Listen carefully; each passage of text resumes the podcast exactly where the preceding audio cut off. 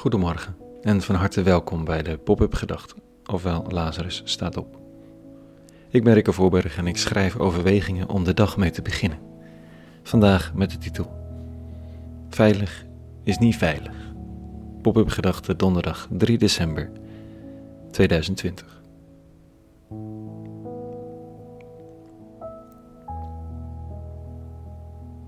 Het is de voortdurend herhaalde paradox van die christelijke spiritualiteit en van de Joodse profetie.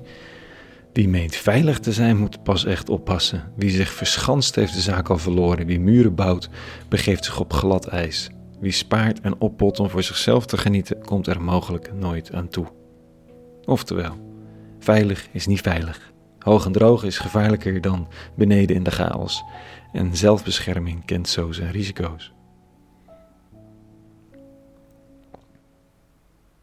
Maar hoe verhoudt zich dat dan? Ik bedoel, je moet toch verstandig zijn, verantwoordelijkheid nemen? I know. Maar ik verzin het niet. Ik zorg ook dat de deur in het slot zit, de fietsen die van mij zijn, dat daar een slot omheen hangt. Uh, liefst gesloten door het wiel. Al vergeet ik dat nog wel eens. Natuurlijk moeten er grenzen zijn. Dat is goed, logisch, normaal denken. En dan elke keer die profeten die aan de deur rammelen. Ze schrijven geen politiek beleid voor een volk ze waarschuwen, ondermijnen, bekritiseren. Niets van wat zij zeggen is één op één toe te passen op nu, op jou en mij. En dat soms maar gelukkig ook, want het gaat regelmatig van dik hout. Dit staat er vanochtend op de rol uit het boek van de profeet Jezaja. Hij haalt neer wie in de hoogte leven en veilig in hun onneembare vesting wonen. Hij brengt zelf hun stad ten val. Hij maakt hij met de grond gelijk, niets laat hij heel. Dan wordt ze onder voet gelopen vertrapt door zwakke, vertredende de armen. Het is alsof de eeuwige lol heeft in de omkering van de dingen. En hij niet alleen, iedereen kent de afbeeldingen van de lieve, zachte Maria. Ze zegt nooit echt iets, maar houdt baby Jezus vast. Een lieve dame die op de achtergrond zorgt voor de geboren en opgroeiende Messias. Maar dan lees je stukjes uit haar lofzang. Ik kreeg een prent op mijn verjaardag vorig jaar. Op die prent staat ze met een vuist omhoog, stralenkrans om haar hoofd, haar voet op een slang en een doodshoofd. En om haar heen de tekst: Cast down the mighty, send the rich away, feed the hungry, lift the lowly. Nou, ik herkende haar niet hoor.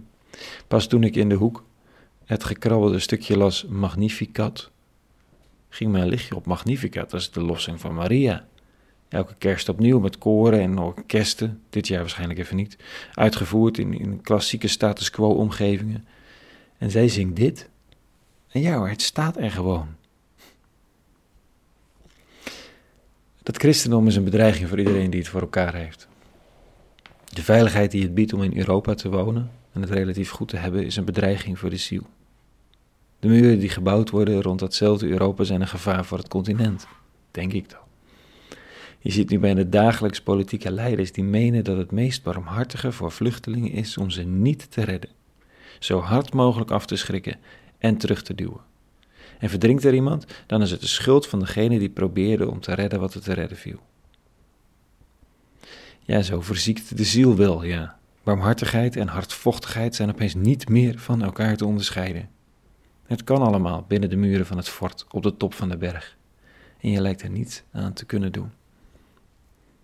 Dus zingt Maria haar lied en profiteren de profeten in het vaste vertrouwen dat de eeuwige nog altijd boven de ondoordringbare muren uittorent en heeft beloofd dat dergelijk gedrag geen lang leven beschoren is.